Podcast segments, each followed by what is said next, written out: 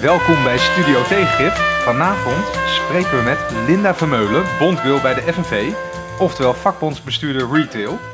Daar gaan we het over hebben. De vakbond natuurlijk, de strijd voor hogere lonen, voorwaardigheid en de toekomst van collectieve actie. Linda, van harte welkom. Dankjewel, bedankt voor deze spetterende intro. Leuk om jullie te gast te zijn. Klopt, eh, klopt het een beetje? Je bent vakbondsbestuurder retail. Ja, klopt nog steeds. Wat, eh, eh, wat betekent dat? Wat doe je dan overdag? Nou, mijn voornaamste werk is eigenlijk dat ik door de winkels loop en dat ik eh, met winkelmedewerkers praat en eh, een beetje hoor wat er leeft en eh kijk of mensen lid willen worden van de vakbond en of er problemen zijn waar we samen oplossingen voor kunnen zoeken en die we ook eh, waar kunnen maken. En mis- misschien even retail, dat is zo'n breed woord. Wat is retail? Ja, ik zeg zelf altijd vakbondsvrouw van de winkelstraat. Winkeltjes, toch? Ja, retail is alles met eh, winkels. En waar eh, kunnen we jou zien rondlopen?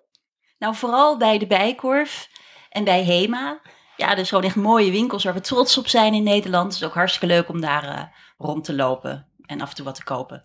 En Ja. hele, hele, hele leuke en be- be- bezielde eh, winkelmedewerkers. Dus ik heb echt ontzettend leuk werk. Nou, mooi. We moeten ook even de andere jongens even introduceren. Wiemar, Ja, fijn dat je er bent. zeker. In mijn eigen huiswerk. Ja, blij ik er ben. En Wouter. Ja, Je was, was al bijna vergeten volgens mij om te zeggen welke aflevering het was. Oh ja, Oh, Of mij dat te vragen. dat welke weet je ook echt niet. nee, Eh 46 alweer. 46. Netjes. Netjes. Ik, eh, en, dit, en Linda, jij bent onze vierde gast pas. Dat is een enorme impuls voor onze, voor onze podcast. hey, ehm, jij, ik, jij spreekt met heel veel liefde over de HEMA en de Bijenkorf. Maar toch zijn het ook eh, die organisaties, ook je opponenten op een bepaalde manier. Nou, eh, winkelmedewerkers die ik spreek, die vinden het over het algemeen hartstikke mooi om voor deze eh, winkels te werken. Die zijn echt trots op hun winkel. Ehm, eh, maar het, wat wel klopt, is dat de menselijke maat in die winkels een beetje aan het verdwijnen is. Dus er is weinig waardering voor de mensen die zich elke dag inzetten om eh, de winkels te vullen, om de tompoesen te bakken, om eh, onze cadeautjes in te pakken. Dus eh, ja, dat is waar wij voor opkomen, voor meer waardering. En hoe, ja. hoe zie je dat dan, Linda? Wat, zie je dat, dat mensen in de winkel minder waardering voor mensen? Is het gewoon dat we vooral steeds meer verwachten dat die mensen op moeilijkere uren harder werken voor minder loon? Of wat, wat, hoe, hoe zien we dat allemaal, dat er minder waardering is voor die mensen? Ja, dat, eh, je, je, je, je stipt nu een paar onderwerpen aan die absoluut belangrijk zijn. Kijk, winkelmedewerkers horen tot de groepen met de laagste inkomens van Nederland. Dus de, de detailhandel en de horeca, die, eh, ja, dat, zijn, dat zijn plekken waar de lonen ontzettend laag zijn. Het is minimumloon of net ietsje meer. Dat betekent dus dat als je al fulltime werkt, dat je een salaris hebt van, wat is het minimumloon ook weer? 1635, 1600 of zo, ja. 1635 euro eh, bruto per maand. Veel mensen krijgen niet eens een eh, fulltime contract. Bij de HEMA is de norm iets van 24 uur. En dan moet je inderdaad eh, bijna alle dagen in de week beschikbaar te zi- zijn om eventueel te werken. Dus er wordt, wordt ontzettend veel verwacht van winkelmedewerkers. Winkeltijden worden steeds meer opgerekt. En ehm, ja, dus waar wij voor opkomen is een normaal salaris waar je van kunt rondkomen. En ehm, zeggenschap op je werktijden. Dus dat je ook kan zeggen van nou, ik wil die en die avond in de week vrij zijn. Want dan kan ik, eh, ja, dan kan ik eh, iets leuks gaan doen met mijn gezin of eh, op een sport. Want 20, als, wat je net zegt, hè, als je 20 uur werkt en je moet alle dagen beschikbaar zijn, dan kun je dus ook niet twee banen van 20 uur hebben. Even heel simpel. Dat is meestal wel nodig om, om rond te kunnen komen. Maar het is heel moeilijk om dat goed te combineren. Dus dat is best Ja. wel. eh, Ja, als je bij twee stress. winkels gaat werken waar je allebei altijd beschikbaar moet zijn, dan dat werkt niet. Dat is ontzettend lastig. Kijk, het is vaak zo wel dat je je rooster een tijdje van tevoren al weet. Eh, maar dan nog, ik, ik, ik sta er echt van versteld. Want ik ben nu twee jaar vakbondsvrouw in de winkelstraat. Ik doe dit nu dus twee jaar. En ja, ik schrik er toch wel van hoeveel er van mensen wordt verwacht. En hoe weinig daar tegenover staat. En- Vanuit die grote bedrijven. Linda, is het dan serieus ook zo dat de werkgevers of de leidinggevenden bij bijvoorbeeld de HEMA het werkelijk normaal vinden dat iemand eh 24 uur maar per week mag werken, dus nog niet eens het minimumloon echt verdient, ehm, maar wel altijd beschikbaar is? De- de- Er zit toch ook, het klinkt mij, ja, ik, het klinkt me heel raar aan dat die mensen dat normaal zouden vinden. Nee, mensen willen ook gewoon. Ja, kijk, ik tref mensen die. ehm, die, eh, ja, die daar ofwel eh, korte tijd werken en het niet lang volhouden, ofwel daar wel lange tijd vol eh, werken en bijvoorbeeld problemen hebben omdat ze in de schulden zitten of omdat er beslag gelegd is op hun loon. En ik tref ook heel veel mensen die zeggen: Kom op, zeg, ik vind mijn werk hartstikke leuk, ik doe dit hartstikke graag. Er moet gewoon wat tegenover staan en ik wil graag met mijn collega's plannen maken om dit te verbeteren. En dat zijn de mensen die lid zijn van de vakbond. Ja, de vakbond bij de Bijkorf heet Be United. De Leuk. vakbond bij de. HEMA heet Tompoes United. Heb je het eh, allemaal zelf bedacht trouwens? Al deze naam? Die hebben winkelmedewerkers De winkelmedewerkers Ja, echt waar. Be United. eh, Die is echt leuk. Ja. die Ja. was er als eerst. Ja, is echt heel krachtig. Eh, eh, er was, ja, op een gegeven moment hadden we een, een, een, een gesprek met de groep, met de ledengroep bij de Bijkorf. Van ja, hoe kunnen we nou meer zichtbaar zijn? Hoe kunnen we meer Mhm. bereiken? En toen begon iemand over een symbool. Die zei, ja, heb je de film The Hunger Games wel eens gezien? Hebben jullie de Hunger Games wel eens gezien? Zeker, ja, ik heb hem gezien. Dat heb ik net. Ja, niet mijn lievelingsfilm, maar wel hele, heel, ja, ik vind hem mooi. Ja, precies. Daar heb je ook een, een, een, een, een, een symbool. Eh, de Mockingjay. Ja, dat is ook een speldje wat eh, de hoofdrolspeelster draagt van een, van een vogel. En dat speldje staat symbool voor de strijd voor een betere wereld. En nou ja, de medewerkers van het Bijkorf dachten, wij willen ook zo'n soort speldje, maar dan niet met een vogel, maar met een bij. En toen zei iemand anders, laten we het dan de Be United noemen. Ja, zo is het gekomen en eh, want die andere is hartstikke populair. bij de HEMA's Tom Push United. Ja. En bij- En, en bij de andere winkels? Eh, we heb- bij de andere winkels eh, hebben we nog geen nieuwe namen, geloof ik, als ik even snel nadenk. Ja, wat wel leuk is bij Gal en Gal hebben ze nu bijvoorbeeld een, eh, een, een, een, een, strip, een stripverhaal gemaakt, de medewerkers. En dat heet dan Giel en Gal. Dan is de hoofdrolspeler heet Giel. en, dus, en, en dat gaat dan over wat hij zo meemaakt in de winkel en over zijn strijd met FNV en zo.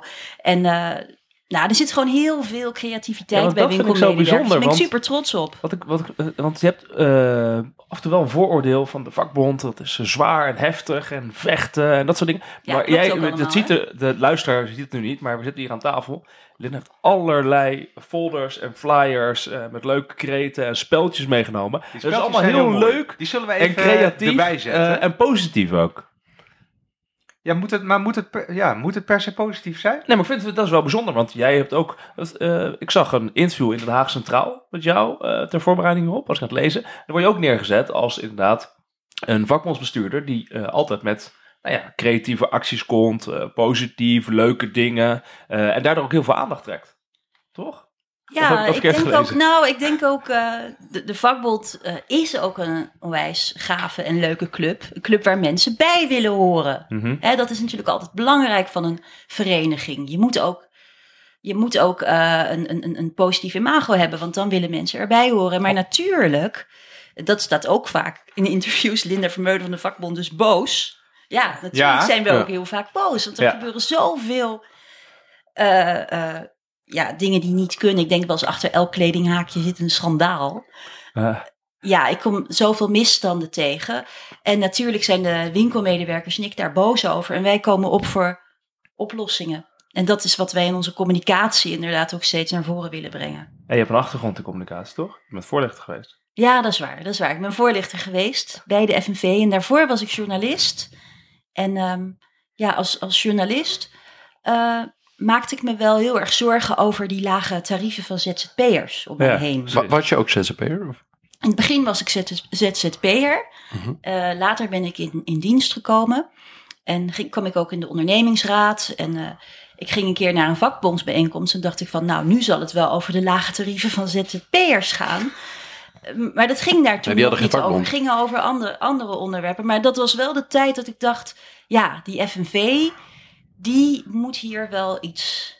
Ja, die kan hier iets gaan eh, eh, veranderen en verbeteren. Dus toen ben ik langzaam vakbondsvrouw geworden.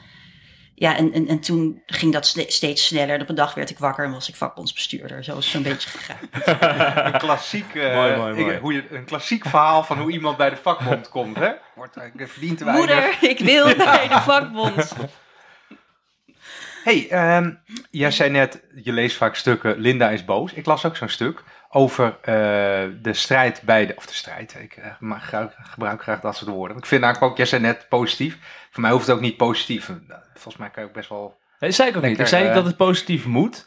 Maar ik vind het gewoon eh, opvallend dat je bij Linda altijd dit soort leuke creatieve uitingen ziet. Die positief zijn. Hè, er staat hier, hier een kaart met ook sterren werken met kerst.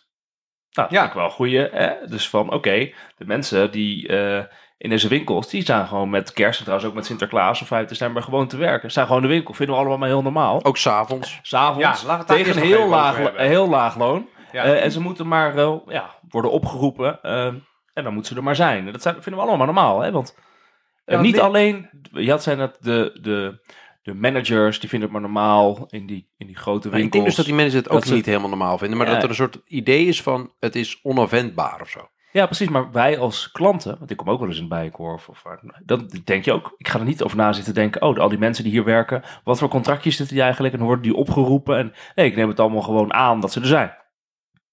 Toch, zo gaat het. Dus ik vind het wel goed om dit Ja. eh, gesprek te hebben. Ja, want Linda, je hebt een stuk geschreven op joop.nl over werken met ehm, Sinterklaas en kerst en oud en nieuw en nieuwjaarsdag en zo. Nou, vroeger, weet iedereen nog, was het gewoon eh, dicht op dat soort dagen. Ja, En nu ehm, is het vaak wel tot negen uur s'avonds open zelfs. Ja. Kan je vertellen wat je hebt opgeschreven? nou, dat is een maand geleden ongeveer dat een winkelmedewerker tegen mij zei dat ze misschien moest werken pakjesavond. Toen dacht ik, hè, pakjesavond? Dan zijn de winkels toch altijd eerder dicht? Ja. Maar nee, bijvoorbeeld de Bijkorf is open tot negen uur s'avonds. En ehm, eh, ja, ik, ik, ik, ik liep toen door de winkels een maand geleden en sprak ook andere winkelmedewerkers daarover. Van hé, hey, eh, wat hoorde ik nou? Pakjesavond open, wat vind je daarvan? En toen hoorde ik ook medewerkers zeggen, ja, maar ik moet op kerstavond, dan moet ik ook werken. Is de Bijenkorf dan open? Nou, ehm, wat dan vooral speelt, ook bij andere winkels, Oh, bevoorrading, is dat, dat eh, op tweede kerstdag in Engeland Oh, Boxing Day. Boxing Day inderdaad begint. En die, die eigenaren van die winkels, die vinden dat interessant. En dat zie je in Nederland ook langzaam komen, dat tweede kerstdag, dat er meer aanbiedingen zijn. Is dat een soort Black Dus Friday? moeten mensen zo'n op- geïmporteerd eh, shop-evenement. Nou, voilà, inderdaad. Dus, dat, dus het gevolg is dat mensen op kerstavond dan langer in, de, in, in sommige winkels blijven om daar die prijsjes te veranderen. Eh, eh, verder hoorde ik ook, nou dat, dat weet ik al langer, dat er, dat er winkels op 1 januari open zijn. Nou ja, medewerkers balen daarvan. Ja, dat snap ik wel. Die balen daarvan. ehm, ehm, eh, ja, en ik, ik, ik, ik, ik ben er ook, ik sta ook versteld van die, van die openingstijden. En inderdaad, aan de ene kant zie je dat onze traditionele feestdagen hierdoor onder druk komen te staan, want steeds meer mensen moeten werken. Het kruipt op. En Ja. je ziet steeds nieuwe feestdagen eh, uit eh, Amerika. of Alles uit waar je geld mee kan verdienen, dat Ja. wordt hier eh, natuurlijk uh, vrolijk ik- dat Precies, en wij nemen het zomaar. We nemen het allemaal gewoon over. Het is Ja. vandaag volgens mij Cyber Monday. Ja. En, en de afgelopen maand was het Black Friday. Dat duurt Ja. echt niet één dag, dat duurt echt weken. Ja. Eh, en en er wordt, het is, je, ieder jaar heb je weer een paar nieuwe van die dagen Ja, erbij. je hebt, eh, ik weet niet of dat typisch Haags is, een shopping night of zoiets. Kan je s'nachts winkelen? Klopt. Hebben jullie wat gekocht op Black Friday eigenlijk? Nee, ik niet. Nee, ik, niet. ik zou heb het wel helemaal kapot gespamd met allemaal aanbiedingen. Het was Ja, ik niet kom- normaal ik- hoeveel ik- mailtjes ik-. Ik vind het heel nobel als mensen zo eh, eh, graag winkelen, maar het is niet een van mijn hobby's. Ik ben ook benieuwd wat dat doet met een samenleving. Hè? Die, we worden gewoon zo enorm opgejut om naar die winkels te gaan en om te kopen, kopen, kopen. Ja, allemaal zooi. Eh, vorig jaar is er wel iets heel moois gebeurd in Den Haag. Heel bijzonder. Er is toen in de Bijkorf in Den Haag een heel groot klantenapplaus geweest Ja. voor Oh, de winkelmedewerkers. Dat heet het Black Friday applaus. En ehm, eh, ja, een, een, een groep anonieme klanten had daartoe opgeroepen. En de FNV heeft dat Oh, gesteund. Een groep anonieme klanten. Ja, inderdaad, inderdaad. Ja, en de FNV heeft dat gesteund. En er waren echt honderden mensen in de Bijenkorf in Den Haag die ja, een minuut Oh, lachen. hebben geapplaudisseerd voor de medewerkers. En ehm, Is het dit dat jaar was weer? fantastisch. Het is, ik, heb er, ik heb er niks over Oké, teruggezien. Nou, gaaf. Ehm, maar eh, eh, er, er is dan later in Amsterdam nog een keer zo'n applaus geweest op Nieuwjaarsdag, het Nieuwjaarsapplaus. En eh, de Bijkorf heeft daarna besloten dat de Bijkorf in Den Haag komende 1 januari weer dicht is. Oh ja. En dat is dus echt een overwinning van Be Goed zo, United. goed zo, goed Ah, zo. Be mooi, mooi. United, Lekker, overwinning.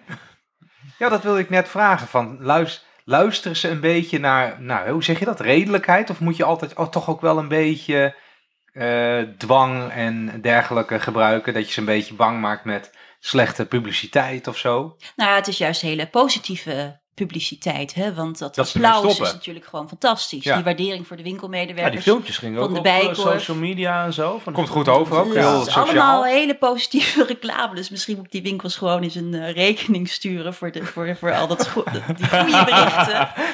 En, en, en, en inderdaad, wij halen daarmee eh, overwinningen. Kijk, dit is, ik laat nu een kaartje zien waarmee ik door de winkels loop en dat ik uitdeel aan winkelmedewerkers bij de Bijkorf. En daarop staat dus eh, wat Be United voor elkaar heeft gekregen. Dus, dus onder andere dat nieuwjaarsdag gewoon weer een vrije dag is. Oh hè? ja. Dus dat mensen gewoon bij hun familie langs kunnen gaan. Eh, maar ook dat ze bijvoorbeeld de ratings hebben afgeschaft. De ratings. Wat- wat- wat zijn dat? Wat is dat? Ja, ik denk echt dat je bespreekt met drie mensen die niet ontzettend vaak in de bijenkorf komen. Nou, maar jij zei net dat je wel eens bij de Ja, komt. weet ik, maar ik heb toen ben nog geen rating tegengekomen toen. Dus Is er jou nooit gebeurd dat je aan het eind van een aankoop werd gevraagd door de medewerker... Is u deze aankoop bevallen? Wilt u even meelopen en feedback geven op onze Nee, iPad? echt nee, nog nooit gehad, nog nooit. Of u kunt ook thuis invullen wat u vond van de, van de service. En Oh ja. ehm, dan word je ook gevraagd om een cijfer te geven. Oké. En alleen een 9 of een 10 telt mee bij de beoordeling van de werknemer. Een 9 of een 10? Alleen op een een schaal 9 van of een 10 10. ook? Of? Telt mee. Dus Ja. dan kan je zeggen van nou, ik ben hartstikke tevreden, ik geef een 8. Dat vinden wij in Nederland hartstikke goed. Maar nee, alleen een 9 of een 10 telt mee.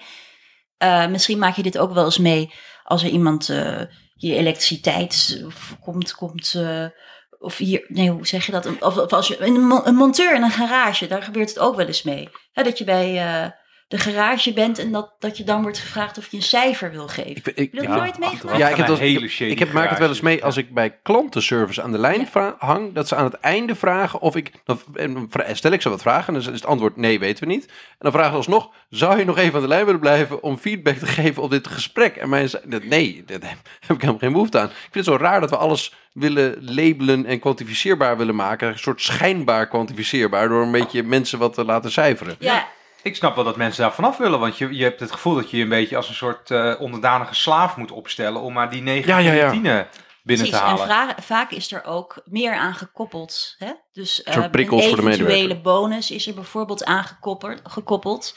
Mensen worden erop aangesproken als ze te, te slechte beoordelingen hebben of te weinig beoordelingen.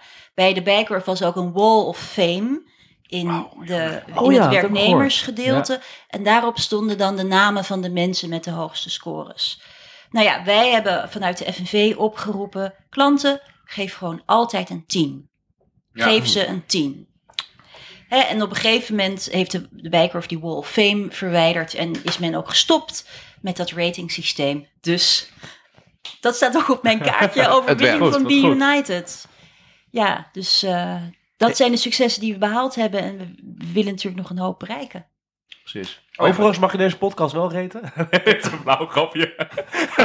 mag, eh, mag nog even, of niet? Ja, mooi bruggetje. In, Eh, in mooi de, bruggetje. de, de iTunes Store of zo weet ik wat, mag je gewoon 1 tot 0 tot 1, 5 sterren geven. ja, Mag- de bedoeling is dus altijd vijf. Hè? nee, 0 mag ook. Met Altijd goede, vijf met goede gegeven. Altijd verbetersuggesties. vijf. Altijd vijf. Hey, mag ik wat vragen? Want ik ben heel geïnteresseerd. Als je op televisie ooit een soort shopping-expert ziet, of weet ik veel, je hebt allemaal mensen die, die heten dan expert bla Uh, die, die hebben altijd eh, een soort idee dat eh, winkeltijden die, die ruimer worden en mensen willen een soort. we gaan naar een on-demand economie. Dus alles moet per direct en mensen moeten de dingen die ze willen nu kunnen krijgen. De klant staat centraal en de gebruiker is koning. Ehm, en daar, daar spreekt altijd uit van ja, alle winkels die zich willen handhaven in de winkelstraat, die kunnen niet anders dan nog vaker en ruimere eh openstijden. En ook nog eens eh, hun personeel nog harder pushen om voor weinig geld eh, hun stinkende best te doen. En ik vraag me wat af, dit, dit wordt dan door experts gepresenteerd als een soort van ja, natuurwet of zo.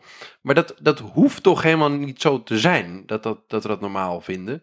Ehm, wa- wa- wat zeg jij ja, tegen mensen die denken dat het normaal is dat alle openingstijden allemaal ruimer worden? Ja, ik hou het lange verhalen sorry. Nee, ik vind dat een hele goede analyse. Want wat jij beschrijft is eigenlijk de status quo. als experts het over de winkelstraat hebben, dan gaat het inderdaad altijd over wat jij zegt. Hè? En dan, dan is het alsof het logisch is dat we een 24-uurs-economie krijgen. Uh, en dat er krapte is en dat winkels onder druk staat en internet, concurrentie. Um, maar het zou inderdaad goed zijn als, het, als, we dat, als we die discussie over de winkelstraat verbreden. Als we bespreken van ja, waar gaat dat geld nou eigenlijk naartoe dat wij als consumenten allemaal in die winkels besteden? En welke geldstromen zijn er nog meer vanuit de overheid bijvoorbeeld? Uh, hoe zit het met de lonen? Um, wat betekenen die ruime winkeltijden nou voor de medewerkers en voor de maatschappij? En in de kern denk ik dat het goed is als wij een, een debat voeren in Nederland. Hoe willen wij shoppen in de toekomst? Maar wat er wel aan vast zit, is dat deze winkels, retail, heeft natuurlijk wel, er zit wel een soort concurrentiestrijd met die, met die uh, online winkels. Uh, waar je alles goedkoper kan bestellen, wat de volgende dag meteen thuis geleverd wordt. Dus je zit wel een soort concurrentie ermee, toch? Daarom moeten die winkels, uh, moet de bijenkorf ineens uh, s'avonds open, s'nacht open, moet iedereen lang doorwerken. Het is wel een, een probleem, toch? Je kan er toch niet omheen dat je ook iets zou moeten doen. Ik, wacht, ik ga terug naar het bruggetje van net. Wij waren, ik vertelde het voordat we begonnen, ik was vandaag dus bij het instituut GAK in Hilversum. Wat is dat? Dat is een uh, onderzoeksinstituut. Uh, die hebben een hele bak met geld. En die financieren dan onderzoek op het gebied van arbeidsmarkt en sociale zekerheid. Je kwam er met je handje op, kwam je daar ja. binnenlopen. Ik, kwam daar om kennis bij Leiden, kunt u mij helpen? en vervolgens uh, waren er een aantal leuke presentaties. En er was dus één presentatie van meneer toen. Dat wist ik ook niet. Die zei van het aantal mensen in Nederland wat s'nachts werkt. En dat is dus slecht voor je, s'nachts werken. Dat schijnt niet goed te zijn voor je bioritme en fysiek. Dat is dus aan het toenemen in Nederland weer. Sinds lange tijd aan het toenemen. Met alle gezondheidsgevolgen van dien. Door al die online winkels met distributiecentra. Het moet de volgende dag meteen geleverd worden. Ja, daar is natuurlijk gewoon. Dat is natuurlijk slecht voor de gezondheid van die mensen. Ja. Maar ook, je, dus weer, hè, we nemen het allemaal gewoon voor lief aan. Hè. Als we door de bijkorf lopen, we helemaal lopen, dan zeggen we, denken we, oh ja, die mensen zijn er gewoon altijd. Natuurlijk is die altijd open. Als je online hebt besteld, denk je, oh ja, natuurlijk komt het gewoon de volgende dag voor vijf uur komt het binnen. Maar het gevolg ervan is dat mensen gewoon met hele slechte arbeidsvoorwaarden te maken hebben. En die online concurrentie zorgt er ook voor dat nou, de winkels waar jij uh, je in begeeft, waar je rondloopt, zoals je zegt, dat die, ja, die medewerkers hebben natuurlijk gewoon last van. Die zitten in een hele vervelende concurrentie. Ja, maar dit is toch geen natuurwet? Je kan toch nee, gewoon zeggen, zeker niet. bij ons uh, verbieden we het gewoon dat mensen s'nachts moeten werken om pakketjes te bezorgen. Er is toch geen enkele noodzaak om s'nachts in zo'n centrum te staan? Nee, maar dat is dus raar, want je zou dat kunnen verbieden. Hè? Dus ik ga nu een beetje van het onderwerp. Maar je zou het kunnen verbieden of gewoon maximeren. Hoe lang mogen mensen s'nachts werken? Of uh, hoeveel uren mag je in een jaar s'nachts werken? Of je kan het gewoon verbieden om s'nachts te werken. Dat, dat kan je natuurlijk gewoon doen. Voor de gezondheid van mensen, van medewerkers, is dat natuurlijk gewoon veel en veel beter. Plus dat je al deze rare concurrentieeffecten dan bij de daadwerkelijke retailwinkel niet, niet hebt. Dus ik vind dat wel iets om serieus over na te denken. Ik vind dat een hele goede vragen. En inderdaad, in de kern gaat het erom dat we ons moeten afvragen als consumenten, als burgers. Hoe willen we shoppen nu en in de toekomst? Willen we inderdaad dat het allemaal internet shoppen wordt, met alle gevolgen van dien en alle slechte werkomstandigheden van dien en alle, al het gevaar uh, wat het met zich meebrengt op de, op de wegen. Willen we dat er ook winkelstraten blijven bestaan? En willen we dan dat er alleen maar grote ketens zitten? Of ook nog kleine winkeltjes? Mm -hmm. uh, vinden we het belangrijk dat er alleen maar spullen uit China te koop zijn? Of willen we ook in Nederland nog wat produceren? Of ja, in ja. Europa? Ik denk dat het belangrijk is dat wij die discussie voeren als burgers. Want als we dat niet doen, dan zijn er maar een paar mensen die daarover beslissen. En dat zijn de eigenaren van de grote winkelketens. En voor een deel zijn dat mensen die uh, in Nederland zitten, maar voor een heel groot deel ja, Volgens mij wordt, gewoon... wordt dat in het buitenland bepaald. Bijvoorbeeld de Bijkorf, weet jullie wie, wie de eigenaar is van de dat het een Chinees private equity fund is. Nou, een, een ander ver land. Oké. Okay. De Bijenkorf uh, valt onder de Selfridges groep. En die is in handen van de Canadese familie Weston. Oh ja, ja, ja. Dat stond in jouw stuk. En die hebben... Oh, nou, wat, wat goed ja. dat je dat gelezen ja. hebt. Want die zijn ook eigenaar van een andere beroemde winkel in Nederland. 10 punten voor wie het weet. Primark. Ah, oh, boefjes dus. Dat is helemaal afvreselijk. Nou, het zijn vast hele aardige mensen. Ja, uh, als je zo rijk bent, ja, makkelijk okay. aardig zijn. Maar nou ja, H&M, H&M, de eigenaar van H&M zit natuurlijk in Zweden. Uh, uh, Zara is ook natuurlijk een, een on, ontzettend grote keten... waar heel veel mensen heel veel geld spenderen. Wat maakt dat het ook moeilijker Spanje. om um, het, de, de mensen die daar werken te organiseren... om op te komen voor hun belang? Dat, hè, dat, dat de eigenaren van die winkels heel ver weg zitten... En er misschien ook niks, dat, dat de mensen in Nederland hun niks kunnen schelen. Ja, als jij in Shanghai zit en je bent bij een of andere private equity fund, of wat, wat, wat je net zei, Wouter, dan denk je ook van, joh, als er maar geld uitkomt, eh, die mensen, dat, Ja. dat boeit me allemaal niet. Nou, ik denk dat je, daar, dat je daar wel gelijk hebt, ja. Het is toch een beetje uit het oog, uit het hart. Of ja, als je zo ver weg zit van je winkel eh, en zo weinig contact hebt met winkelmedewerkers, in hoeverre ben je daar dan mee begaan? Dat is inderdaad een goede vraag. Ik denk dat voor veel eigenaren toch hoofdzakelijk gaat eh, om, om eh, meer omzet, meer winst, een betere concurrentiepositie. En dat die menselijke maat, die gewoon ontzettend belangrijk is, ja, niet op hun lijstje staat. Ik denk ook vaak dat we het ehm, steeds verder weg organiseren van de eigenaren van winkels en ook van de consument. ehm, een soort middel is dat het makkelijker maakt om akkoord te gaan met hoe het nu werkt. Dus je, doordat je niet meer doorhebt hoe jouw product aan jou verkocht wordt, of hoe, wat de arbeidsomstandigheden zijn van de mensen die s'nachts moeten werken om te zorgen dat jij op, eh, op, op tweede kerstdag iets kan kopen wanneer je maar zin hebt, eh, word je er niet mee geconfronteerd dat er soms heel veel ellende achter zit. Ja, eh, kijk, ik, ik, ik, ik, weet het, ik weet het niet precies, maar wat ik, wat ik wel denk, dat is dat het ook een bepaalde mentaliteit is die wij in onze boardrooms hebben geïmporteerd vanuit bijvoorbeeld Amerika en Engeland. Want we hebben natuurlijk ook veel winkeleigenaren in, in Nederland van grote ketens die wel Nederlands zijn. Ehm eh, de Ja, Boekhoorn, eh, Bol.com, CNA. Ja, dat zijn over het algemeen dan mensen die hoog boven in de quote 500 staan.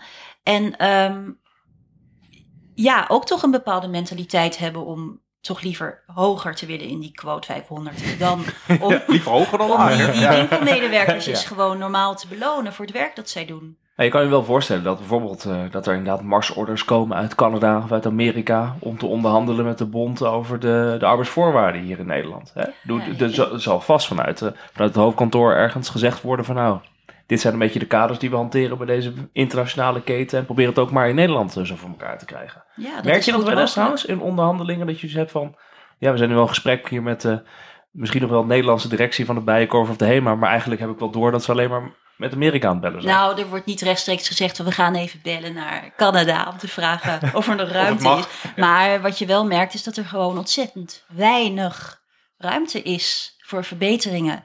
Wat je gewoon wel merkt, is dat er wordt ingezet op meer flexibilisering en lagere lonen. En wat mij vooral ook is opgevallen de afgelopen twee jaar als vakbondsbestuurder, is dat deze bedrijven vanuit onze overheid, dus vanuit onze samenleving, ontzettend veel ruimte krijgen om dat gewoon eh, te kunnen doen. Vertel. Ik ben heel benieuwd hoe de overheid daar aan bijdraagt. Dat flexibilisering en lagere lonen een goed idee zijn. Want ik vermoed niet dat mensen die stemmen op die partijen die de dienst uitmaken bij die overheden, dat gemiddeld gezien weten of een goed idee vinden. Ehm, nou, hebben jullie bijvoorbeeld wel eens, ik denk, van waar zal ik beginnen nu, maar Oh. eh, laat, ik bij dit, laat ik hier beginnen met deze vraag. Wie heeft er wel eens gehoord van de Primark-premie? Ja. Ik heb het wel eens gehoord. maar van gehoord, ja. Van gehoord is ook echt... eh, Ik, Ja. ik, ik ben volgens mij nog nooit in een Primark geweest. Oprecht. De Primark-premie is een ander woord voor het lage inkomensvoordeel. Dat is een paar jaar geleden ingevoerd. Klinkt dat raar? Lage inkomensvoordeel.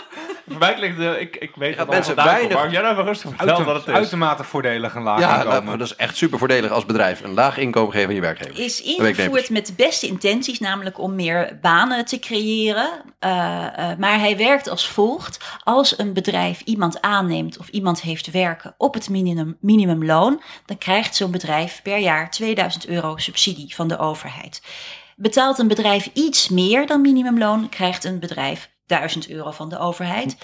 Van de Belastingdienst. En betaal je meer dan, uit mijn hoofd, 125% van het minimumloon, dus zeg 2000 euro bruto, dan krijgt een bedrijf geen subsidie meer. Dus het is bedoeld om banen te creëren, maar je begrijpt het al. eh, als een bedrijf eh, minimumloon betaalt en een loonsverhoging wil geven, krijgt hij dan meer of minder subsidie? Ja, Ja, meer. Min- Dat is toch belachelijk als je... Minder subsidie. Ja. Dus als een bedrijf een loonsverhoging geeft, verliezen ze hun subsidie. Ja, dus maar de- even, ik- misschien moeten we de economen hier aan tafel even vragen. Ja, ik weet waar dit vandaan komt. Zal ik, zal ik uitleggen waar, waar dit maar oorspronkelijk wat een idee... achterlijke maatregel lijkt dit. Het oorspronkelijk idee van Heb het lage inkomensvoordeel. Ik, ken, ik weet waar dit vandaan komt, ja zeker. eh, is dat je op de, aan de onderkant van de arbeidsmarkt een concurrentie hebt tussen, waar jij eigenlijk mee begon, de ZZP'ers met hele lage tarieven en werknemers met een heel laag loon. En dat op die onderkant dat ZZP'ers dan zoveel goedkoper zijn dat werkgevers de prikkel hebben om alleen maar ZZP'ers aan te nemen en iedereen uit werknemerschap te duwen. Toen is bedacht, ah, we moeten die werknemers aan de onderkant wat goedkoper maken, anders worden ze allemaal ZZP'er. Dus we moeten een eh, subsidie geven, inderdaad, eh, op de lage lonen. En daar is het lage inkomensvoordeel eh, uit ontstaan. Met dus de allerbeste bedoeling, hè? Ja, namelijk eh, we willen dat de lage inkomens wel verzekerd zijn tegen arbeidsongeschiktheid. Dat ze wel als mogelijk eens pensioen opbouwen. Dat ze wel bepaalde verzekeringen hebben. En niet dat ze als vogelvrije ZZP'er aan de slag moeten, zeg maar. Hè, dus nu hebben ze ook nog wel. Hè? Je hebt bijvoorbeeld. Het is niet enorm veel, maar je hebt bes- bescherming met de arbeidstijdenwet en dergelijke. Je natuurlijk allemaal als werknemer. Als ZZP hebben het allemaal niet. Dus dat was het idee erachter. En heeft het perverse prikkels? Ja, dat horen we nu. Ja, natuurlijk. Als je, Ja. als je als werkgever dan eh, iemand een loonsverhoging wil geven, dan verlies je ook nog die subsidie. Ja, dus je precies. hebt een Dus enorme prikkel om die lonen op het minimumloon te houden. Precies, dus een eh, loonsverhoging is twee keer zo duur van mensen met lage loon. Ik zeg trouwens nooit onderkant, want het zijn eh, in mijn geval dan verkoopsterren die in de winkels werken. Ehm, maar inderdaad, een loonsverhoging wordt dus twee keer zo duur voor werkgevers. Het is eigenlijk een soort boete op loonsverhoging, omdat er zo weinig Ja. voorwaarden zijn gesteld. Er zijn zo weinig voorwaarden gesteld bij de invoering van dat lage inkomensvoordeel, dat die pervers werkt. Het loont, voor, of, nou laat ik het anders stellen, HEMA heeft de lonen verlaagd, heeft een loondump. In reactie hierop bedoel je. Nou ja, kijk, dat zal zo'n directie nooit zeggen. Maar ervoor en Maar het is wel zo dat ze meer subsidie krijgen. Dus het loont bij niet alleen doordat je mensen minder loon hoeft te betalen, maar ook nog eens dat je meer subsidie krijgt als je HEMA bent om de lonen te verlagen. Exact. En in totaal is Meen hier jaarlijks zo'n half miljard euro eh, mee gemoeid. Wat? Ehm, in, de, in de toekomst wordt dat lager, omdat een deel in het pensioenakkoord eh, is aangewezen om de financiering van eh, de verandering in de AOW te betalen. Dus een deel. Ja, dat zie ik ook Dit- een succes van de Bijkorfmedewerkers, want die hebben dit aan de kaak gesteld. Maar Oh ja. de perverse prikkel blijft. Bedrijven krijgen, blijven die boete op een loonsverhoging houden. Want je vroeg net van in hoeverre houdt de overheid de lonen laag. Nou, onder andere met dit soort maatregelen. Oh ja, maar toen dan ik- wil ik het ook nog even over het vakbonds shoppen hebben. Ja, Is dat nou het inderdaad. goede woord? Maar er of kwam een niet? heel lijstje aan volgens mij, die rustig aan. Oh, pardon. Nou, ik hoef ze niet allemaal te behandelen, maar ik had het net over de Primark-premie LIV. Maar je hebt ook nog andere Wat, wat was de Primark-premie? regelingen. De Dat is het Primark-premie, laag inkomensvoordeel. Oh, dat, oh ja, dat is omdat ze- daar, daar hebben ze allemaal minimumloon, of gemiddeld gezien veel li- Ja, dus minimumloon. Primark krijgt gewoon een premie Ja, van de Primark overheid. subsidie. Extra geld. Wij Subsidie subsidiëren op, eh, dus fastfood en fast een fashion. Canadese familie van eigenaars om mensen minder te betalen. Ja, o- ja, Kort gezegd. kort gezegd. Oké, nee, aan de is andere het kant, helaas aan de andere kant uitgelopen, ja. Je kan ook zeggen, maar dat is, ik snap dat dat niet. Maar je kan, ik kan ook zeggen, ja, wat nou als je die lift niet had? Dan had het ook zo'n zomaar gekund dat dan heel veel eh, medewerkers van de Primark en de HEMA en de Bijenkorf, dat die richting ZZP zouden gaan. Ja, maar dan moet je dat aanpakken. Ja, ik, ik, ik snap, ik Ja. snap ik. Dus vandaar dat er nu ook een discussie is over minimumtarieven voor Ja, ZZP'ers, het is het heel duurder goed dat maken de en zo. overheid. Het is heel goed dat de overheid geld beschikbaar stelt voor de arbeidsmarkt. Een half miljard is ook hartstikke, hartstikke goed. Het punt is alleen, eh, je moet goede voorwaarden stellen aan, aan wie je dat geld geeft en wat voor soort banen voor wie Ja. eh, je wil creëren. Want, want anders, eh, ja, creëer je zonder dat je het wil, dus iets wat helemaal niet werkt. Eh, maar goed, het- die, die, die LIF heb je dus, maar je hebt nog meer van dit soort regelingen die gewoon heel erg pervers werken. Bijvoorbeeld rond arbeidsmigranten zijn er ook allerlei belasting, eh, belastingvoordelen en premievoordelen. Waardoor het eh, voor een bedrijf als bol.com goedkoper en aantrekkelijker is om mensen vanuit Polen of Bulgarije aan het werk te hebben dan iemand van om de hoek Want, want omdat je bijvoorbeeld via de A1-regeling, heet dat dan, mag je de premies eh, van mensen die vanuit de EU bij jou komen werken in het land van herkomst betalen. Oh ja. Dus oh ja. zo zijn dus, arbeidsmigranten eh, dus, 30 cent goedkoop. In Roemenië hebben ze niet zoveel sociale premies, premies vermoed ik. Sorry? Dat In, in Roemenië of Bulgarije hebben ze niet zoveel sociale premies, dus dan die zijn het... sowieso een stuk lager. Dus eh, zo, eh, Oh, ja. zo schep je als overheid dus een klimaat waarin de lonen laag blijven. En waarbij je het dus mogelijk maakt om, om, om voor werkgevers om tegen zeer lage tarieven mensen aan het werk te hebben. Je moet je afvragen of wij dat in Nederland wel zo willen. Goed, dat is dus het punt van dat we het als overheid voor die bedrijven toch best wel makkelijk maken. Mag ik om hier nog iets over goedkoop te betalen. Ja. Want ik, ik denk dan vaak dat die bedrijven, ja, die zijn, ehm, als je het, laat zeggen, eh, vriendelijk beschouwt, vaak vrij agnostisch. Dus die hebben ja, één doel, dat is gewoon hun aandeelhouders zoveel mogelijk winst bezorgen. Dus als die mensen uit Bulgarije kunnen laten werken of uit Nederland kunnen laten werken, dan doen ze hetgeen het goedkoopst is. Maar dan vraag ik me altijd af, hoe komt het dan toch dat we als overheid prikkels inbouwen om dingen te doen die we eigenlijk allemaal helemaal niet leuk vinden, ehm, eh, zonder vooraf te zien wat de effecten gaan wezen van wat we doen. Het, het lijkt wel alsof we een soort van eh, ja, niet goed eh, nadenken of luisteren naar de belangen van verschillende groepen. En de belangen van werknemers lijken me vrij belangrijk om mee te nemen in dit soort verhalen. En het lijkt wel alsof hier eigenlijk voornamelijk geluisterd wordt naar de belangen van aandeelhouders van de partijen die je winkelstraat eh, behuizen. Ja, bijvoorbeeld, er komt binnenkort een nieuw, heel groot mega distributiecentrum van Zalando in Blijswijk. En ehm, ja, als je berekent hoeveel subsidie zij krijgen, dan is dat een paar miljoen, ik geloof 4 miljoen per jaar van dit soort subsidies. Oh ja. Ja, en, en dat, dat gebeurt allemaal, denk ik, onder het motto van Nederland wil een goed vestigingsklimaat klimaat hebben, banen. Eh, maar wij moeten het erover hebben van, willen wij dit wel? Wat betekent dit voor onze winkelstraat? En wat voor banen zijn dit nou eigenlijk? Je kan, eh, daar kan je de huur niet van betalen, denk ik. Tenminste, als dat eh, hè, de, de salarissen die je net schetste voor de HEMA en de Bijenkorf. Als, Als je je daar- 20 uur per week hebt met een minimumloon, bedoel je? No Ja. way. Ja, Ja. dan verdien je 800 euro of, eh, netto, denk ik. Als je 20 uur werkt. Nou, Ja, nu, dus nu, nu moet gemiddelde dan huur is ook... worden. is zelfs in een sociale huurwoning is gemiddelde huur 600 euro.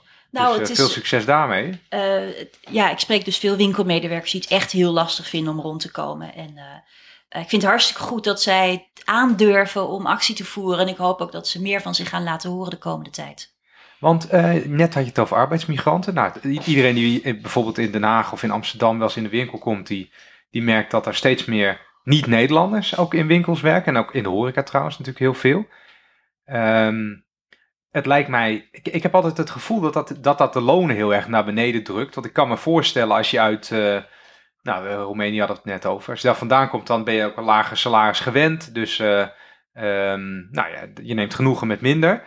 Maar ook als jij dan binnenwandelt in zo'n winkel, dan is het ook lastiger om zo iemand nou, lid te maken en, en mee te nemen in eventuele acties die je gaat doen. Eh, de detailhandel is van oudsher al een plek geweest waar, eh, waar, waar, waar weinig mensen lid zijn van de vakbond. Als je bijvoorbeeld naar het openbaar vervoer kijkt of de politie, dan is iets van 80 of 90 procent is lid.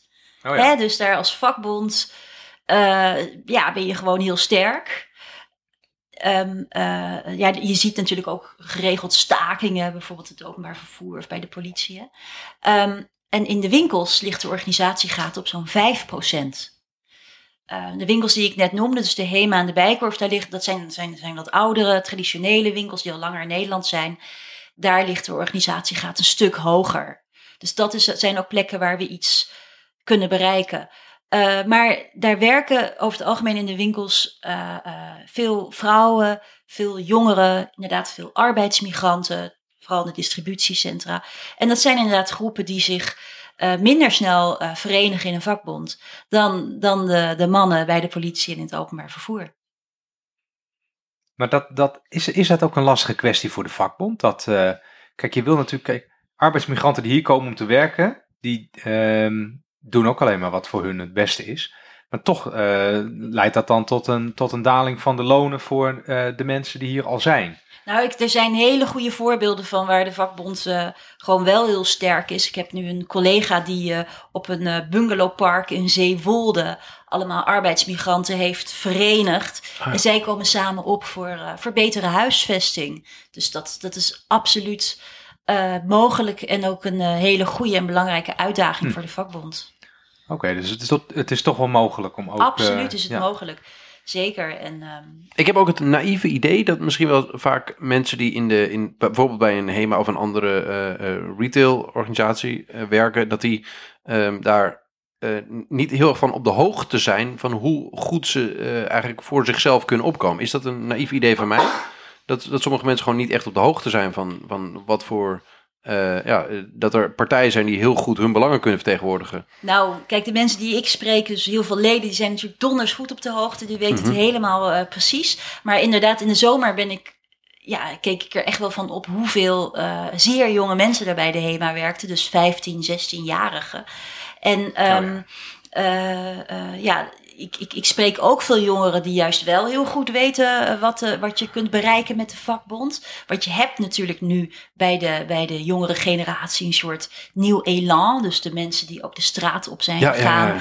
om voor een beter klimaatactie te voeren. Nou ja, dat zijn, dat zijn, ja, dat zijn ook jongeren die ik in de winkels tegenkom. En ik Mhm. hoop dat zij op een gegeven moment. eh, Of die ja, gozer die bij ook, Ahold, zich ook dat gewoon we- massaal gaan opkomen voor verbeteringen. Ja. Maar aan de andere kant is het zo natuurlijk dat we in onze maatschappij gewoon tientallen jaren dat ons ingepeperd is dat je het wel allemaal alleen kunt doen. Ja, precies. Dat je het alleen kunt doen. En ook een, volgens, dat is, volgens mij is er ook een soort gecoördineerde actie door veel werkgevers dat de vakbond dat dat maar gezeur is voor jonge mensen. Eh, dat, dat beeld komt mij soms over. Terwijl, als ik er naar kijk, kan ik niet verzinnen waarom dat werkelijk nou zo is. Om het, waarom het gezeur zou zijn om voor je eigen belangen op te komen als werknemer bij een grote organisatie. Eh, maar volgens mij zit daar, ja, ik weet niet, misschien zit er een soort gecoördineerde actie achter om dat beeld te scheppen. Ja, de afgelopen jaren heb je dus wel een soort levend individualisme Ja. eh, sfeer gehad. Maar ja, ondanks dat zijn er ontzettend veel mensen die echt wel snappen dat je, dat je toch samen moet opkomen voor verbeteringen. Want hoeveel mensen in Nederland zijn lid van de vakbond? 1,7 miljoen. Bravo. Nou, Lekker bezig, Remy. Ja, lekker bezig. Goed in. opgezocht Ik voor, deze show. Maar meestal, 12 meestal denken mensen dat dat, dat dat veel minder is natuurlijk. En het is ook veel meer dan alle politieke partijen bij elkaar. Ja. Is een, een- ik vind ook altijd dat er wordt altijd een beetje, wat Wout, jij zegt net, is het gecoördineerd? Natuurlijk is het geco- gecoördineerd. Eh, in de zin van, ja, als je dit de hele tijd maar een beetje doet alsof het, hè, het er niet toe doet en alsof het heel suf is. En De alsof het niet bonden voor deden je weer is. moeilijk, hoor je soms Ja. de werkgever zeggen. Alleen maar voor oude mensen en eh, ja, hè, we zorgen toch Ja. goed voor je. Dat vind ik altijd zo. Mag ik, dat vind ik altijd een eh, licht hypocriet. Van mensen die dan zeggen, ja, de bonden die komen niet op voor de jonge mensen. En het is ook allemaal verschrikkelijk. En jeetje, wat een grijze bejaarden allemaal. Maar vervolgens staan die mensen best wel blij die CO-verhoging gewoon uit te geven in de kroeg. Zoiets van, ja, die CO-verhoging, die is toch ook gewoon onderhandeld door de vakbond. Waar je zo op loopt te zeiken. Maar je neemt er wel lekker in ontvangst. Tuurlijk, maar dat is, dat geldt. Het is, het, hoe zeg je dat? Ehm, dat is gewoon wat, je doet nu in Nederland. Ja. Afzeiken dat het niet belangrijk is. Maar het is wel lastig hier, want, net over de winkels waar je het over hebt. Het is natuurlijk wel, kijk, jij heeft, zei net Wouter, je hebt gewoon bedrijven en die willen hun winst maximaliseren. En die doen dat natuurlijk binnen de wettelijke kaders die er zijn. Alleen Mhm. binnen deze winkels heb je zulke, heb je mensen die individueel best wel slechte onderhandelingsposities hebben, die daar werken. Hè? Je gewoon over, geen. eh, gewoon geen eh, eh, 15, 16-jarigen die het jeugdminimumloon hebben, die natuurlijk geen eh, vuist kunnen maken. Eh, arbeidsmigranten die heel blij zijn dat ze iets meer kunnen verdienen, maar ja, dat ze weten dat er worden eh, nou ja, lagere premies afgedragen in het eh, land van, eh, van, van, van herkomst, zeg maar. Waarschijnlijk, weet jij, ook veel vrouwen die er werken, misschien ook wel alleenstaand of ouder. Het is wel lastig, omdat het is natuurlijk wel mensen met een moeilijke onderhandelingspositie. Die hebben het juist nodig dat, zijn, dat zo'n bond daar weer voor hen opkomt. Want individueel wordt het gewoon, gewoon lastig. En die werkgevers die snappen dat. Die doen gewoon, in economische termen dat volgens mij arbitrage. Dat je op zoek gaat naar ehm, de manier van, van arbeid zoeken waar het meeste winst op kan halen. Ja, doe maar die, die jongeren, want dan hoef je lage loon te betalen. Doe maar die arbeidsmigranten, dan hoef je minder premies af te dragen. Eh, doe maar inderdaad die, nou, die persoon die een beetje afhankelijk is, dat je deeltijd kan laten, laten werken. Doe maar dat minimumloon met dat liftvoordeel en naar beneden drukken. Dat is precies wat je ziet ge- gebeuren. Ja, want dan nou wil ik dan toch eindelijk het bruggetje maken naar het vakbond shoppen. Want dat Ja. heeft hier natuurlijk mee te maken. Zeker. Want nou, jij, jij bent bij de Bijenkorf eh, actief. En eh, ik kan me ook uit het nieuws herinneren. Nou, dat, dat, werd op de het spits gedreven. De lonen moesten omhoog, want die waren veel te laag. En toen kwamen die speltjes inderdaad. En er was heel veel positieve energie. Eh, en toen was er op een gegeven moment volgens mij... Je moet me zo verbeteren als, het, als ik het niet goed Ja, zeg. tot nu toe zeg je het al helemaal goed. was er een eh, soort eh, bod vanuit de Bijenkorf. Van nou, we willen de lonen wel met zus en zoveel verhogen. Daar is toen een stemming over geweest onder de FNV-leden. En er was 80% tegen. En toen opeens, maar dat, voor mij was dat dan opeens, maar voor jou misschien niet. Opeens werd er een CAO getekend met het CNV. Hoe zit dat? Ja, ook, ja goede vraag. Oh, goede vraag. Eh, kijk, wij eh, hadden een looneis bij de Bijkorf. Dat was twee jaar geleden. Dat was voor 3,5% loon wilden wij daarbij als FNV. En Super redelijk. super redelijk, inderdaad. En lange tijd was het bod van de Bijenkorf niets. En na onze acties kwam er toch een, een bod van anderhalf procent over twee jaar. Dat is waarschijnlijk nog minder dan inflatie. eh. Precies. Zeker, want is anderhalf procent gedeeld door twee, nou goed, dus heel weinig. Ehm, hoe hoog denk je dat de looneis was van CNV? Nul. Precies. CNV had geen concrete looneis. Die had wel in de brief, want, als je aan zo'n CAO... Zo kan ik ook voor mensen opkomen. Ja, Gewoon niks precies, eisen. Precies. Ehm, CNV heeft uiteindelijk dus wel getekend. Ja, en, en, en, en zo voor, gaat voor het wat op meer hebben ze plekken. getekend dan? Voor hoeveel? Voor die anderhalf procent? Voor anderhalf procent, die wij als FNV met onze acties dus voor elkaar hebben gekregen. Maar hier moet je denk ik even eh, toelichten dat Mhm. een CAO Hoe werkt is dus rechtsgeldig inderdaad? op het moment dat... Ik heb al geleerd dat als drie bonden tekenen, dat die dan eh, akkoord is. Ik weet niet of dat klopt. Dat is dat de, de, Nee, CAO thuisregel. kun je tekenen met, eh, met de vertegenwoordiger van werknemers. Ja. Dus met een vakbond. En in principe is een vakbond al een vertegenwoordiger ja, met een beperkt aantal leden. Ik geloof zelfs met twee of drie leden. Maar als je bijvoorbeeld tien vakbonden hebt in de, in de bijenkorf, dan mag een werkgever met één vakbond een CAO sluiten. En dat geldt me voor toch alle mensen. Ik heb, ik heb altijd geleerd dat, het, dat er drie is. Maar drie, dus je drie handtekeningen moet hebben van bonden. Maar ik, ik weet niet wat, dat- wat daar klopt. Maar in ieder geval is het wel zo. Je kan dus kiezen. Blijkbaar is het dus mogelijk om te zeggen: we, eh, we zetten één bond buitenspel. En we gaan met de andere aan tafel zitten. En daar maken we een deal mee. Nou, inderdaad, de, de, de werkgevers hebben in Nederland best veel vrijheid om eh, met allerlei vakbonden zaken te doen. Kijk, ik ben er groot voorstander van dat je als vakbonden eh, samenwerkt. Hè? Dat Ja. je samen optrekt. Want eh, ja, Mhm. de arbeiders alle landen verenigt u. Dat is toch, Als ja, toch wel het centrale... een handje voor vakbonden lukt. goed zo. Ja. Precies. Ehm, eh, maar ja, er gebeuren best wel rare dingen. Ehm, bijvoorbeeld bij IKEA is ook een CAO gesloten zonder FNV, maar dan met de vakbond genaamd WIM. Vakbond WIM hebben jullie misschien nog nooit van gehoord. Die Nee. ook weinig op Is het tv. één iemand, dan zou die Wim heten die een bond heeft opgericht? Dat- Zo klinkt het wel een beetje. Maar nee, de WIM is dus opgericht door IKEA zelf en wordt ook betaald door IKEA Ja, zelf. zo kan ik het ook. Er zijn best wel veel medewerkers van IKEA lid van WIM. Eh, maar dat neemt niet weg dat WIM niet zo snel actie zal voeren natuurlijk. en ook eerder bereid is akkoord te gaan. Eh, maar dat is dus bij IKEA gebeurd. Nou ja, bij de Bijkorf heeft de werkgever dus een eh, eh, akkoord gesloten met CNV. En in, daarnaast heb je een hele grote winkelstraat CAO, waar ongeveer 200.000 mensen onder vallen. Mhm. Ehm, dus de Primark, de Zara, de H&M, de Zeeman, de Vibra. Daar kan nog even doorgaan. Van Die alles en nog allemaal wat. aangesloten bij die CAO. Het is een van de slechtste CAO's van het land. Eh, ja, eigenlijk staat er gewoon niks in. Dat is de beste samenvatting. Er zit een stijging in van het loon, maar die is gelijk aan de stijging van het wettelijk minimumloon. Nou, dat is dus niks. Hoef je dus eigenlijk helemaal Ja. niet af te spreken Ja. in een CAO. En daar heb je weer een andere vakbond eh, eh, die daar bij de ondertekenaar staat. Dat is AVV. Wat dus eigenlijk geen vakbond is. Want ze heet ook alternatief voor vakbond. Dus ze zijn geen echte vakbond. Eh, in, in Nederland hebben werkgevers heel veel ruimte om ja, te vakbond shoppen. Dus als ze denken van nou, de FNV stelt een wel heel hoge looneis. Even kijken wat CNV vraagt. Eh, oh, AVV is zelfs bereid te tekenen voor verslechteringen van werknemers.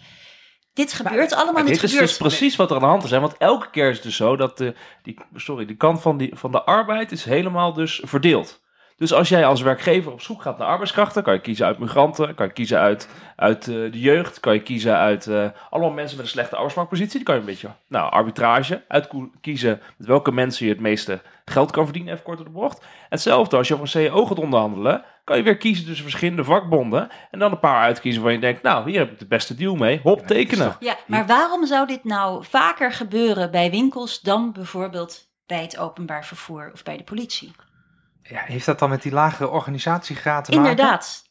dat he- heeft er denk ik mee te maken omdat er weinig mensen heel actief Ja, ik denk dat als je in het eh, openbaar meedenken en penetratiegraad voor, voor hun eh, eh, arbeidsvoorwaarden. Want wordt er wel eens, ehm, ik kan me dat namelijk niet, nu niet herinneren, wordt er wel eens gestaakt ehm, in de retail? Want dat, dat gebeurt relatief weinig, denk ik dan ook.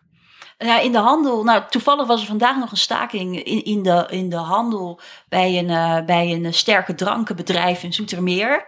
Dat was echt al heel bijzonder dat mensen daar eh, het werk hebben neergelegd. Ehm, bij de HEMA is er in het eh, voorjaar een wilde staking geweest in een van de bakkerijen. Ook omdat er heel Wat is een wilde staking? Is dat, gaat dat heel raar aan toe? Dat is een wilde staking die is dus niet officieel aangekondigd met een ultimatum Oh, zo, ja, de ja. vakbonden. Maar me- we- medewerkers hebben wel het werk neergelegd, Hm. eh, zijn naar buiten gelopen. Ehm, en eh, daar is toen ook bereikt dat eh, mensen die nieuw in dienst komen meer verdienen. Dus dat heeft ook een succes gehad. Ehm, eh, ja, dus er wordt wel gestaakt, maar minder dan bijvoorbeeld in het openbaar vervoer. Ik, ik, ik wil er toch nog even bij, het- bij stilstaan hoe getikt het nou is dat je als bedrijf, wanneer de, wanneer de ene vakbond een bepaalde eis stelt, dat je gewoon met een andere dan kan tekenen. Hoe gaat dat in de, hoe gaat dat in de praktijk? Je Nou- bent aan het onderhandelen en dan opeens eh, krijg je een appje van nou laat maar zitten, want we hebben al getekend met eh, de Nee, zo gaat dat niet. Je hebt altijd wel gesprekken, mensen worden uitgenodigd voor onderhandelingsronden. Het is ook eh, vaak ook gewoon openbare informatie. Dus media weten het ook. Maar het is iets wat wij in Nederland normaal vinden. Als ik dit in het buitenland vertel, dan vinden ze dat meestal raar. Bijvoorbeeld, ik ben me nu aan het inlezen in de Duitse vakbonden. Dan heb je de Einheitsgewerkschaft. Ja, ja, ja. Daar heb Klinkt je dit goed. helemaal niet. Vertel, hoe Werkt werkt dat? Ja, Einheitsgewerkschaft, dus een eenheidsvakbond. Daar heb je niet. eh, eh, ehm, d- daar heb je gewoon deze situatie niet dat een werkgever kan vakbond shoppen en dat werkgevers zelf vakbonden kunnen oprichten. Waarbij ik ook moet zeggen dat AVV bijvoorbeeld eh, eh, voor eh 97,5% betaald wordt door de werkgevers zelf. Hoe, wer- hoe werkt dat dan? ik val echt van de ene verbazing Ja. in je, de andere. krijgt, de- Ja. je krijgt een Ja. vergoeding, hè? Ik Als vat je, nu ook twee jaar eh, bestuurderschap even samen Ja, maar je- in, eh, in een half uur. Ik vind het Ja, maar je, krijgt, je krijgt toch een vergo- als je een CO afsluit, krijg je als vakbond krijg je een vergoeding vanuit de werkgever per lid, toch? Zo is het ongeveer. Zo is het inderdaad ongeveer. Ja, dat is de werkgeversbijdrage. Ja, Die is oh ja. ooit ingevoerd als een soort solidariteitsheffing. Maar je krijgt dus een soort tekenbonus in feite. Nou, ik zeg meer liever solidariteitsbonus, omdat het ooit is ingevoerd, omdat eh, een CAO voor alle werknemers geldt. Oh, en niet Mhm. voor de mensen die alleen lid zijn. En de mensen die lid zijn, die betalen eigenlijk door hun lidmaatschap die verbeteringen in de Ja, ja. CAO, die voor iedereen gelden. En toen is gezegd van, nou weet je wat, wij stellen daar vanuit de werkgever een vergoeding tegenover, om ook ehm, op dat te comp- compenseren. Dus dat niet alleen de leden betalen, maar dat er een... eh, nou goed, En maar dat Lin- is dus is ook omdat de, de werkgever heeft dus ook baat bij een CO, hè? Klopt, bij Dus er- arbeidsrust. Ja, ja. precies. Oh ja, dus de werkgever is bereid daarvoor te betalen, want die geeft dan arbeidsrust. Nog, nog één, nee, toch iets hele stomme die leert je allemaal dingen en die Nee, wordt er helemaal soms, gek. Soms denk ik, kan ook zo, ik kan heel slecht eraan wennen dat dingen soms heel getikt zijn. Is het dan niet een idee dat alle vakbonden een keer bij elkaar gaan zitten en zeggen: wij gaan geen CO's ondertekenen waarbij we elkaar ondermijnen? Want eh, ik, misschien eh, snap ik de hele situatie nou verkeerd hoor. Dus de FNV is, is, is heel actief bij de, bij de Bijenkorf. En dan opeens komt er een andere vakbond die tekent iets. Nou, dat klinkt als elkaar hè, in de weg lopen. Volgens mij zou je moeten afspreken dat je misschien zelfs samen. Hè, dat is je hele businessmodel. Mensen organiseren. Misschien moet je die organisaties dan ook organiseren. Ik vind businessmodel een heel goed woord. Ik denk dat het heel goed is als er gewoon eens een paar kritische mensen eh, eh, gaan kijken van eh, waarom, waar, wat is het belang van sommige vakbonden om deze hele slechte cao's te ondertekenen. Oké. Ja, die worden betaald door werkgevers, vertel je net. Hier zit, een verha- hier zit een verhaal eigenlijk, zeg jij, voor journalisten die dit luisteren. Van, zou- dat is interessant om daar eens een keer naar te kijken. Ja, ik denk dat het goed is om daar eens kritisch eh, naar te kijken. Waarom, waarom? Want kijk, dat is ook de status quo als er geschreven wordt van eh, de FNV tekent een eh, CAO niet. Dan, dan wordt er geschreven in de krant. FNV staat buitenspel. Sp- Ja, ja. punt. Dat Ja, was het. Maar er is nooit bericht. iemand die vraagt waarom tekenen die andere partijen eigenlijk wel?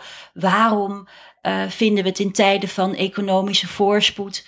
Nou, eh, eh, ja, waarom, waarom zijn er dan eh, ja, vakbonden die voor een minimale loonsverhoging tekenen voor de mensen met de laagste inkomens? Ik snap, ja, waarom zou je in godsnaam inderdaad tekenen voor iets wat in feite niks is? Precies. Dan kun je net zo goed Bij ook de niet HEMA tekenen. is zelfs voor- getekend voor een loondump van nieuwe medewerkers tot 25 procent. Terwijl de economie steeg. Ja, volgens mij gaat het nog steeds Maar, goed eh, doet mij denken aan die voorzitter van de OR van de politie, die zo ongeveer in het Amstelhotel woonde. maar goed, daar, daar Nee, maar ik, ook, ik had nog eh, wel een niks an- van. andere vraag. Misschien is Ja, een hele... laat ik, eh, domme laat ik bij vraag. jou. Dat, wa- waarom is het niet zo dat we dan als overheid, want die, die maakt in principe de wetten die eh, ar- collectieve arbeidsovereenkomsten en, en ja, de, on- de onderhandeling tussen werkgevers en werknemers reguleren, die stelt dat er geen mogelijkheden zouden moeten zijn dat je als werkgever de verschillende vakbonden tegen elkaar kunt uitspelen of daarin kunt shoppen. Waarom zeg je niet gewoon van, nou, voor deze sector is A de vakbond? Of is dat een heel dom idee? Dat je gewoon zegt, di- dit is de bond bij deze. Eh, je, je bedoelt, je hebt gewoon voor de retail heb je de, de retail vakbond. Ja, en dat, dat- is de enige vakbond. Ja, en daar, beste werkgevers, u zoekt er maar uit, daar onderhandelt u mee. Nou, Klinkt als een heel het- het, sympathiek het idee. belangrijkste is natuurlijk wat de werknemers willen. Een vakbond is een vertegenwoordiger van werknemers. Mhm. Dus ehm, ik denk dat het belangrijk is dat werknemers in de winkels weten dat dit speelt. En ehm, dat er ook meer een eh, besef komt van hé, hey, eh, al- als, als ik niet voor mijn eh, arbeidsvoorwaarden opkom, wie doet het dan? Mhm. Als ik me niet bemoei met wat er aan die CAO-tafel gebeurt, eh, wie doet het dan? Ehm, dus dus dat, ja, dat is ook wat de vakbond eigenlijk al honderd jaar zegt. Ontwaakt, ontwaakt. Ja, want wa- wat, wat, wat, eh, wat kom je... Hè? Ik, ik ben ook een beetje gebiologeerd door het beeld dat jij dan zo door de bijenkorf loopt. En kan je dan gewoon mensen aanspreken? Of word je daar ook een beetje bij gehinderd vanuit eh, het bedrijf? Hoe, hoe, ga, hoe ziet dat eruit? Nou, ehm, eh, ja, het, het gaat eigenlijk net als dat ik als een, als, als een klant door een winkel loop. Hè. Ik koop dus soms ook wel wat. Maar ehm, ja, je Even kunt- reten. Ja, het is, ik, ik, spreek gewoon met mensen. En eh, eh, ja, soms eh, is, er, is er alle tijd om het even te hebben over, over de lonen. En over wat mensen dwars zit. Wat mensen anders zouden willen. En soms moet het ook eventjes snel tussendoor, omdat het druk is in de winkels. Mhm. Dus ehm, ja, en zo kom je ook op, op, eh, op onderwerpen waar je, waar je, waarvan je zelf van tevoren helemaal niet wist dat dat speelde. Ehm, bijvoorbeeld eh, in Den Haag speelde vorig jaar dat de, de gemeente de openingstijden wilde oprekken. Nou, dat heb ik gehoord eh, ja, toen ik door de Bijenkorf liep en iemand Oh ja. daarover begon. Ja, net als wat ik net vertelde over pakjesavond, hè, werken op pakjesavond. En eh, ja, zo kom je op de onderwerpen waar je als vakbond een issue van kunt maken en waar je ja, samen voor verbeteringen kunt opkomen. Ja, laten we naar een paar luisteraarsvragen gaan. Ehm, Betty Veenstra, die zegt... Wat is de toekomst van de vakbond? Een veel, ik doe ze allemaal even en dan eh, antwoord je ze allemaal in één keer. Eh, Betty Veenstra die zegt... Wat is de toekomst van de vakbond? Iets wat, wat vaak gevraagd wordt. Ehm, een, een meneer, denk ik, Blues Traveler, die zegt... eh, waarom kopen we zonder na te denken wie eraan verdient? De sweatshopwerker, de Filipijnse scheepsbemanning, de verkoper in Nederland of de eigenaar van de keten? En dan eh, nog een laatste vraag van eh, Kenny Meer. Die zegt, eh, ik denk dat dit over het vakbondswerk gaat dan. Hè? In hoeverre heeft het iets opgeleverd? En hij zegt, wie bepaalt eigenlijk dat we in een 24-uurs-economie... wie bepaalt eigenlijk dat wij een 24-uurs-economie willen zijn? En er wordt ook nog gevraagd, en dat eh, vond ik ook wel heel erg interessant. Oh, pardon. Waarom kan niet gewoon het minimumloon omhoog in plaats van eh, al deze acties? Nou, dat zijn allemaal vragen. Nou, ik zie een fantastische toekomst van de vakbond. ja, we zitten nu echt al in de tijd van de vakbond. En Word je eh, ook een beetje tijd moe van al dat gezeik altijd over de... Ja, ik word er juist heel strijdbaar van. Ja, dat merk je ook. merk het, lekker. Ja, ja. precies. Ja, inderdaad, Linda pakt haar vlag uit haar tas. Ja. Eh, nee hoor, maar ik zie echt een hele goede toekomst voor de vakbond. Ehm, ik denk dat steeds meer mensen wel doorkrijgen dat het echt eh, belangrijk is om samen op te komen voor verbeteringen. Eh, de laatste vraag die je stelde over het minimumloon. Ja, wij als vakbond zijn voor een verhoging van het minimumloon naar 14 euro per uur. Dat is gewoon een, een, een loon waar je... Waar Wat is het minimumloon van- nu? Het, het minimumloon nu is voor een 40-urige werkweek 9,44 euro per uur. Dus dat komt neer op zo'n 1635 euro per maand. Bruto dus. Als je daarvan wil rondkomen, heb je meestal eh, toeslagen nodig. Oh Dus- jee, dus, ja, dat ging ons eh. Oh jee, daar we dat moet je niet hebben. Nou, vorige week hebben we het over de toeslagen ellende gehad. Goede aflevering was dat, hè? Kijk, als je die lonen vooral... Ja, was hartstikke goed. Sorry. Maar één oplossing heb ik daar niet gehoord. Want Vertel. als die minimumlonen eh, flink stijgen... eh, ehm, dan, dan, dan zal ook het aantal mensen dat eh, gebruik maakt van een toeslag dalen. Dat is een heel goed punt wat wij inderdaad volledig gemist hebben de vorige Ja. keer. Want iemand zei dat ook nog tegen mij. De hele reden dat dat hele toeslagencircus nodig is, dat is omdat je in Nederland eigenlijk gewoon niet kan leven van eh, het minimumloon. En Dus ook dat is eigenlijk dus ook een nog. indirecte subsidie aan eh, onder andere die grote ketens. Ja, Want die kunnen dus mensen betalen onder eh, het loonniveau waar, waar je normaal van kunt leven. Daarom zijn wij voor een loonsverhoging naar 14 euro per uur. En ik hoor van mijn Mooi. leden dat ze dat echt fantastisch vinden. Hè, veel mensen in de winkels verdienen rond de 10 à 11 euro bruto per uur. Dus 14 euro zou gewoon hartstikke mooi zijn. En dan zonder Primark-premie. Waarschijnlijk. Nou, kijk, nu geeft de overheid geld uit eh, aan het laag houden van de lonen. Wij willen dat de overheid geld uitgeeft aan het eh, verhogen eh, van eh, de lonen. Dat zeiden wij in de, in de voorbespreking, zeiden we dat ook. Hoe gek het eigenlijk is dat als er in Nederland wordt gezegd, we willen iets doen voor eh, mensen die eh, een laag loon hebben, dat dat er dan uiteindelijk vaak op neerkomt dat we geld gaan geven aan werkgevers. Ja, ik vind alleen eh, van, van waarom eh, verhoogt de vakbond niet gewoon eh, de lonen? Of waarom verhogen we niet gewoon de lonen? Kijk, het gaat niet vanzelf. Het is een hartstikke goed idee om die lonen te verhogen. Maar we moeten er wel voor opkomen. Het is belangrijk dat, eh, dat meer mensen zich aansluiten. En dat we samen plannen gaan maken hoe we dit kunnen bereiken. Eh, in, in Amerika heb je de Fight for 15 beweging. Ja, Je moet maar eens op, op, op internet filmpjes opzoeken. Is echt fantastisch wat bijvoorbeeld de medewerkers van McDonald's allemaal aan En die krijgen het voor elkaar, voeren. hè? Ze Die krijgen het echt voor elkaar. Met dus echt geweldige resultaten. Dat is nu heel bijzonder in Amerika. Dat er allemaal onderzoek wordt gedaan. Wat is het effect van een verhoging van het minimumloon? ja. En eh, tegen alle economische theorieboekjes in, zorgt het dus niet voor dat er werkgelegenheid verloren gaat. Natuurlijk Sterker nog, er Ja. komt meer werk bij. Mensen Overigens, kunnen toch meer spulletjes kopen, dus eh, het is alleen maar goed voor de economie. overigens Die sneak gaan ook naar de HEMA. preview, over, eh, volgens mij over, over twee of drie weken, hebben we een aflevering met Robin Fransman. Aha. En dat is de grote voorvechter, een van de grote voorvechters van, van een verhoging van het minimumloon. Sterker nog, bij de FNV heeft hij een aantal hele goede speeches Heeft hij een gehouden. vlammende speech gehouden. Ja, leuk. Mooie gast. Hartstikke goed. Van- Voor Studio Tegengif. Nou, ja, weet je wat ik mooi vind aan zo'n strijd voor het minimumloon? Opeens gaat het dan niet alleen over die sector of die sector, maar het gaat opeens over alle mensen die nu het minimumloon verdienen. Die hebben dan iets om voor, het, eh, eh, voor de barricade op te gaan. Ja. Dus die groep wordt veel groter. En het is zo duidelijk. Je kan politieke partijen er ook voor laten tekenen. Van wij nemen op in het programma 14 euro minimumloon. Ik vind het ook heel redelijk klinken. Het is gewoon een mooi getal, 14. En je moet iets simpels hebben. Anders wordt het zo, de LIF en zo. Ja, ik- het is mij net uitgelegd wat het is. Ik vind het toch ingewikkeld. Hè? Dat is die Primark-premie. hè? ja, ja, I know. Maar ik bedoel, als je, dat op, als, je, als je dat op straat moet vertellen, de LIF gaan we afschaffen en dan gaan we een beetje hè, ergens anders nog in de marge rommelen. Dat eh, overtuigt niet. Maar als je zegt, minimumloon moet naar 14, want eh, hè, Ja, reken maar eens uit. Je kan er niet van leven. op eh, verschillende flanken actie voeren. Het is belangrijk dat die Primark-premie gewoon wordt aangepast. Maar voor de, voor, de, voor de iets langere termijn, die strijd voor 14 euro als minimumloon, is gewoon, eh, ja, er zijn heel veel mensen enthousiast over. Dus ik hoop dat ook eh, alle luisteraars van. eh, Dit is ook een oproep van aan de politieke partijen eigenlijk, hè, hoor ik hier. Een oproep voor de verkiezingsprogramma's van de politieke partijen. Ja, dat zou natuurlijk hartstikke mooi zijn. Maar het is vooral een oproep van, voor mensen om daar ook eh, het met elkaar over te hebben. eh, op je werk en op eh, familiefeestjes.